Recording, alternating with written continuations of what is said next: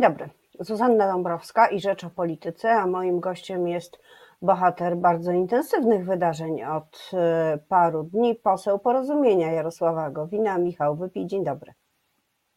Dzień dobry pani redaktor, dzień dobry państwu. Czy teraz trzeba będzie już za każdym razem dodawać Porozumienia Jarosława Gowina, to nazwisko e, istotne, żeby określić tę, hmm, tę część partii, czy tę partię, która pozostała lojalna wobec byłego wicepremiera?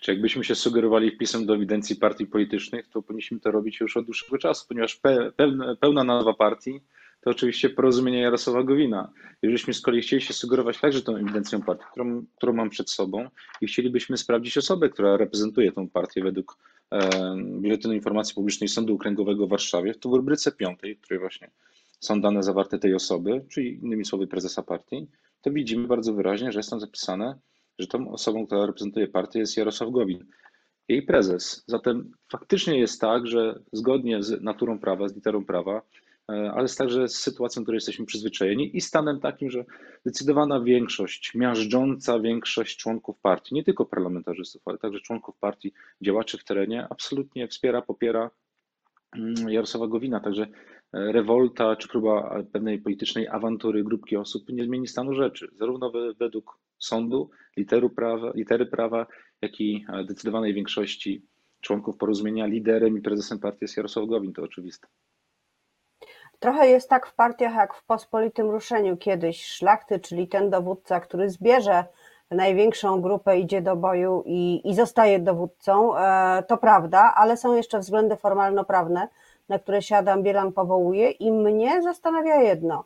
Ani on e, przez trzy lata, ani państwo nie dopełniliście wymogu, który wydaje się e, niespecjalnie trudny do spełnienia, czyli wyboru potwierdzenia kadencji zgodnie ze statutem e, Jarosława Gowina. Skąd to zaniedbanie?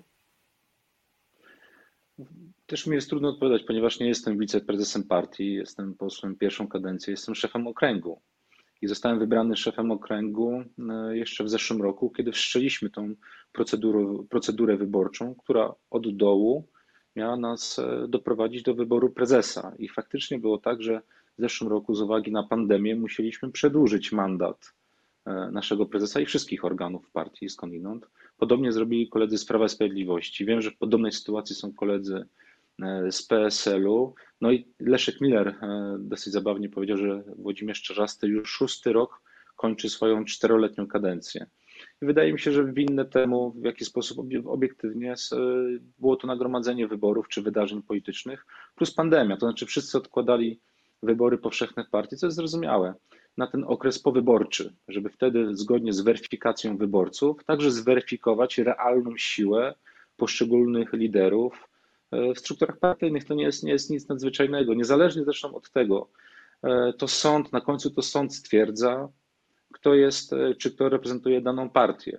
Dlatego w statutach partii ta kwestia ciągłości władzy jest zapisana w ten sposób i zabezpieczona, że ustępują, najczęściej, najczęściej tak jest, widziałem to opracowanie między innymi na Konkret 24, że w tych wszystkich partiach, których wymieniłem, władza organów następuje w przeddzień zwołania właśnie, czy kongresu, czy zjazdu i podobnie jest w porozumieniu. Tym pod tym względem porozumienie nie, nie, różni, nie różni się od żadnych partii. Innymi słowy, jak chcielibyśmy troszeczkę podkoloryzować, to gdyby pewnego dnia Adam Bielan się obudził, uznał, że może być prezesem PiSu, PSL-u bądź SLD, to mógłby dokładnie tych samych argumentów użyć. One są z natury groteskowe i absurdalne. Najpierw trzeba udowodnić w sądzie, że ma się uzasadnione roszczenia i potem tytułować się prezesem bądź kimkolwiek Adam Bielan chce tą drogę, którą zaproponował, to jest droga awantur, awanturnictwa. Nie ma takiej funkcji. To jest droga awanturnictwa politycznego, destabilizacji politycznej, no i zasiania pewnej niepewności mm, na gruncie relacji koalicjantów w ramach Zjednoczonej Prawicy, co już raz doprowadziło do utraty władzy przez prawicę i też wtedy jedną z tych osób, która odgrywała ważną rolę, tą nikczemną rolę, był Adam Bielan. Także no my zrobimy wszystko, żeby nie doszło do powtórki i wydaje się, że pod tym względem partia się zdecydowanie obroniła. To po co y, przyjmowaliście i wybierali na wysokie stanowiska takiego człowieka, który pełni nikczemną rolę? Czy nie wiedzieliście, że Adam Bielan może działać na zlecenie, czy też w porozumieniu, czy po dogadaniu się z prezesem PiSu, który chyba y, nie może wybaczyć Jarosławowi Gowinowi temu, że wywrócił majowe wybory i generalnie nie do końca słucha się, przynajmniej nie wszystkich poleceń z Nowogrodzkiej. Kwestia wyborów majowych od początku była dla mnie absolutnie jednoznaczna.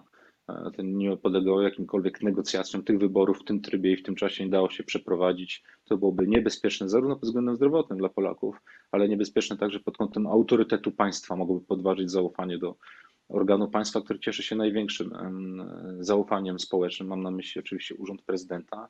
A dzisiaj mandat prezydenta Andrzeja Dudy jest najsilniejszy ze wszystkich mandatów z uwagi na to, że frekwencja była zdecydowanie najwyższa. Kampania była ekstremalnie krótka, ale mimo wszystko pod tym względem równa dla wszystkich kandydatów. Także dochowaliśmy wszelkich procedur i higieny politycznej, a my jako konserwatyści czy politycy centroprawicy powinniśmy o takie kwestie dbać, bo jesteśmy propaństwowcami. Jeżeli nazywamy się propaństwowcami, to takie kwestie nie podlegają najmniejszym negocjacjom. Jeżeli ktoś traktuje tę kwestię osobiście, a mam wrażenie, że Adam Bielan traktuje kwestię wyborów kopertowych niezwykle personalnie, osobiście, no to źle świadczy o nim jako o polityku, który mówi, że kieruje się dobrem Polski. To skąd ta wysoka pozycja w porozumieniu? Czy Adam Bielan zgromadził sobie tylu stronników, że łatwiej mu było teraz, e, mówiąc bardzo kolokwialnie, namieszać wewnątrz partii, dokonać rozłamu? Co do, do zasady, wydaje się, że ludzie mądrzy, odpowiedzialni czy dojrzali, jeżeli popełniają błędy, to wyciągają z nich wnioski. Okazuje się, że że Adam Bielan tych wniosków nie wyciągnął i pragnę zwrócić uwagę na jeszcze jedną rzecz. Ta, ten rokosz jest nieudolny, nieudany i przede wszystkim e, Adam Bielan zgromadził wokół siebie garstkę osób, którzy sami się skazali na politycznym, na trwanie czy tkwienie na politycznym marginesie. Zatem trudno nazwać to rozłamem. To jakaś nieudolna próba rozbicia nas od środka, której się oparliśmy. Jesteśmy mocniejsi, jeszcze bardziej scementowani i jestem przekonany w dobie ostatnich wydarzeń albo wydarzeń ostatnich miesięcy, że porozumienie ma swoje miejsce na scenie politycznej. Powiem więcej, jestem przekonany, że Polska dzisiaj potrzebuje takiej partii i takiego podejścia do spraw Polski, jak, jakie reprezentuje porozumienie Jarosława Gowina. Nie wiem, czy tkwią na marginesie, bo niektórzy z nich tkwią w rządzie wciąż. Porozumienie zażądało e, odwołania E, tych członków rządu, którzy byli członkami porozumienia i zostali z partii e, wykluczeni, ale jest cisza jakaś zaległa ze strony Prawa i Sprawiedliwości. Nie ma stanowiska, nie ma odpowiedzi tak lub nie nawet. I co będzie dalej? Jest czymś absolutnie naturalnym wewnątrz koalicji. To te środowiska, które tworzą tą koalicję, mm, przedstawiają rekomendacje ministerialne zgodne z oczywiście realną siłą polityczną wpływem, ale także E, atrybutami, które predysponują do takiego, tego typu stanowiska. Jeżeli te osoby zachowały się w sposób absolutnie urągający podstawowym zasadom e, współpracy w ramach jednej partii, no, e, wypowiedzieli nam lojalność i zachowali się bardzo niekoleżeńsko, no to nasza, nasze środowisko polityczne nie mogło podtrzymać tej rekomendacji. Naszym oczekiwaniem jest, żeby ci ludzie przestali pełnić tak odpowiedzialne funkcje. Wydaje mi się zresztą, że w interesie pana premiera Mateusza Morawieckiego jest to, żeby tacy ludzie dłużej w rządzie nie byli, ponieważ jeżeli w stosunku do swoich koleżanek i kolegów zachowali się w sposób absolutnie tak niegodny, nielojalny, to równie dobrze w ten sam sposób mogą się zachować względem pana premiera Mateusza Morawieckiego, a powinniśmy jednak stawiać na osoby, które w trudnych momentach, w trudnych momentach próby potrafią zachować się jak trzeba. Oni mieli tą szansę i z niej nie skorzystali, więc wydaje mi się, że czas ich w rządzie i dla dobra kraju, i dla dobra pana premiera Morawieckiego powinien dobiec jak najszybciej końca. Mi się wydaje, że z punktu widzenia partii rządzącej jak trzeba, to nie znaczy w poprzek jej e, stanowisku. Nadchodzą e, różne głosowania e, ważne. Partia rządząca, Prawo i Sprawiedliwość, ta, która ma większość w rządzącej koalicji, musi mieć wypróbowanego partnera, a co do porozumienia tej pewności chyba mieć nie może, na przykład w sprawie podatku medialnego. Ja bym powiedział zupełnie inaczej. Jesteśmy absolutnie wiarygodni i lojalni, dotrzymujemy swojego słowa.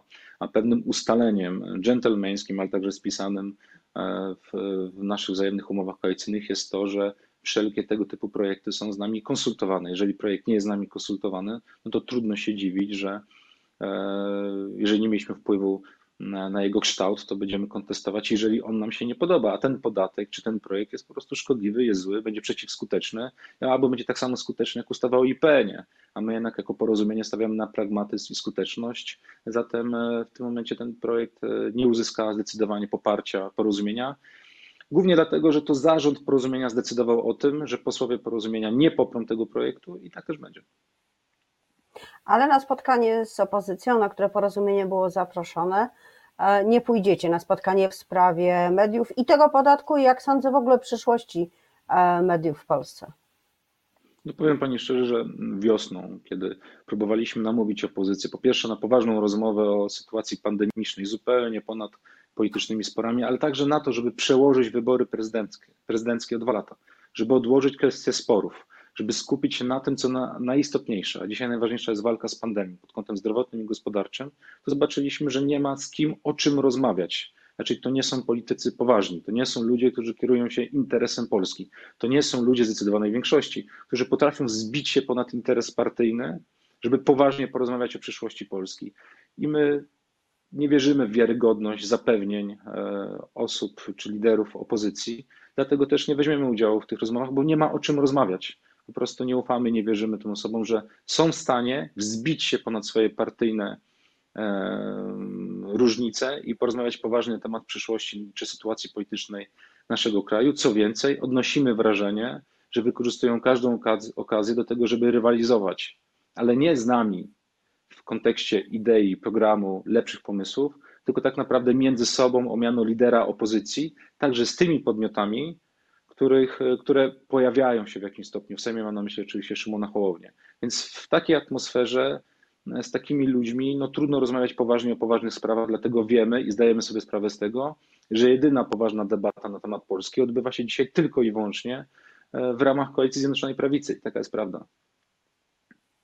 Czy to są doświadczenia wynikające z wiosennych rozmów, o których pisze Adam Bielan, e, czyli tych rozmów, które miały zmienić marszałka Sejmu, przejąć władzę od Zjednoczonej Prawicy właśnie za sprawą Jarosława Gowina i jego porozumienia, czyli e, rozumiem, że e, państwa szabel sejmowych. To są bardzo poważne zarzuty, które zostały wysłane w specjalnym liście do członków partii, upublicznione? Z każdym kolejnym dniem e, słyszymy o kolejnych rewelacjach Adama Bielana. Nagle słyszeliśmy, że źródłem całego sporu są kwestie formalne. Potem usłyszeliśmy, że spotkania pana e, premiera Gowina z Donaldem Tuskiem, które też są nieprawdą. Teraz słyszymy o tym każdy kolejny dzień przynosi kolejny kamyczek do ogródka i wszystkie te kamyczki są okraszone absolutnie nieprawdą i też oddają prawdziwość intencji Adama Bielana. To nie, za nim nie stoi chęć ewentualna sanacji czy uporządkowania pewnych kwestii, tylko za nim stoi chęć awantury, rozbicia i przeszkadzania tym, którzy dzisiaj odpowiadają za sytuację Polski w dobie epidemii. Dlatego trudno Panie pośle, ja muszę teraz zapytać, panie pośle, ja mhm. muszę w takim razie teraz zapytać, czy oprócz tych złych intencji, które stoją Pana zdaniem za Adamem Bielanem, stoi za nim prezes Prawa i Sprawiedliwości, największej partii e, w rządzącej koalicji, który mówi mu, co należałoby zrobić, albo godzi się na to, co chce Adam Bielan robić. Trudno mi jest to uwierzyć. Wiem, że taką tezę postawiła jedna z moich koleżanek, ale mi trudno jest to uwierzyć, że tak pragmatyczny polityk, tak doświadczony polityk, jak Jarosław Kaczyński, uwierzyłby komuś, kto już raz go zdradził. Uwierzyłby osobie, która już raz doprowadziła obóz prawicy do utraty władzy w 2007 roku. Że uwierzyłby osobie, która jest źródłem konfliktu wiosennego, która de facto przyniosła ten pomysł wyborów kopertowych. Nie wierzę w to, że tak poważna osoba jak Jarosław Kaczyński zawierzyłby tak z kolei niewiarygodnej niepoważnej osobie jak Adam Bielan. Dlatego odrzucam tą tezę. Co będzie dalej? Mamy sytuację taką, w której porozumienie to też trochę wniosek już z naszej rozmowy, z tych, z tych kilkunastu minut. Z jednej strony ma niewyjaśnioną sytuację e, w koalicji, niewyjaśnioną, bo czekacie na odpowiedź co do członków rządu, e, które, którzy mają być odwołani. Nie wierzy opozycji, ponieważ opozycja, tak jak Pan mówił, za bardzo walczy o władzę między sobą, żeby móc jej wierzyć. To co będzie, jeżeli dalej nie będzie odpowiedzi ze strony PiSu? Co do członków rządu, odpowiedzi na wasze ultimatum, co możecie zrobić?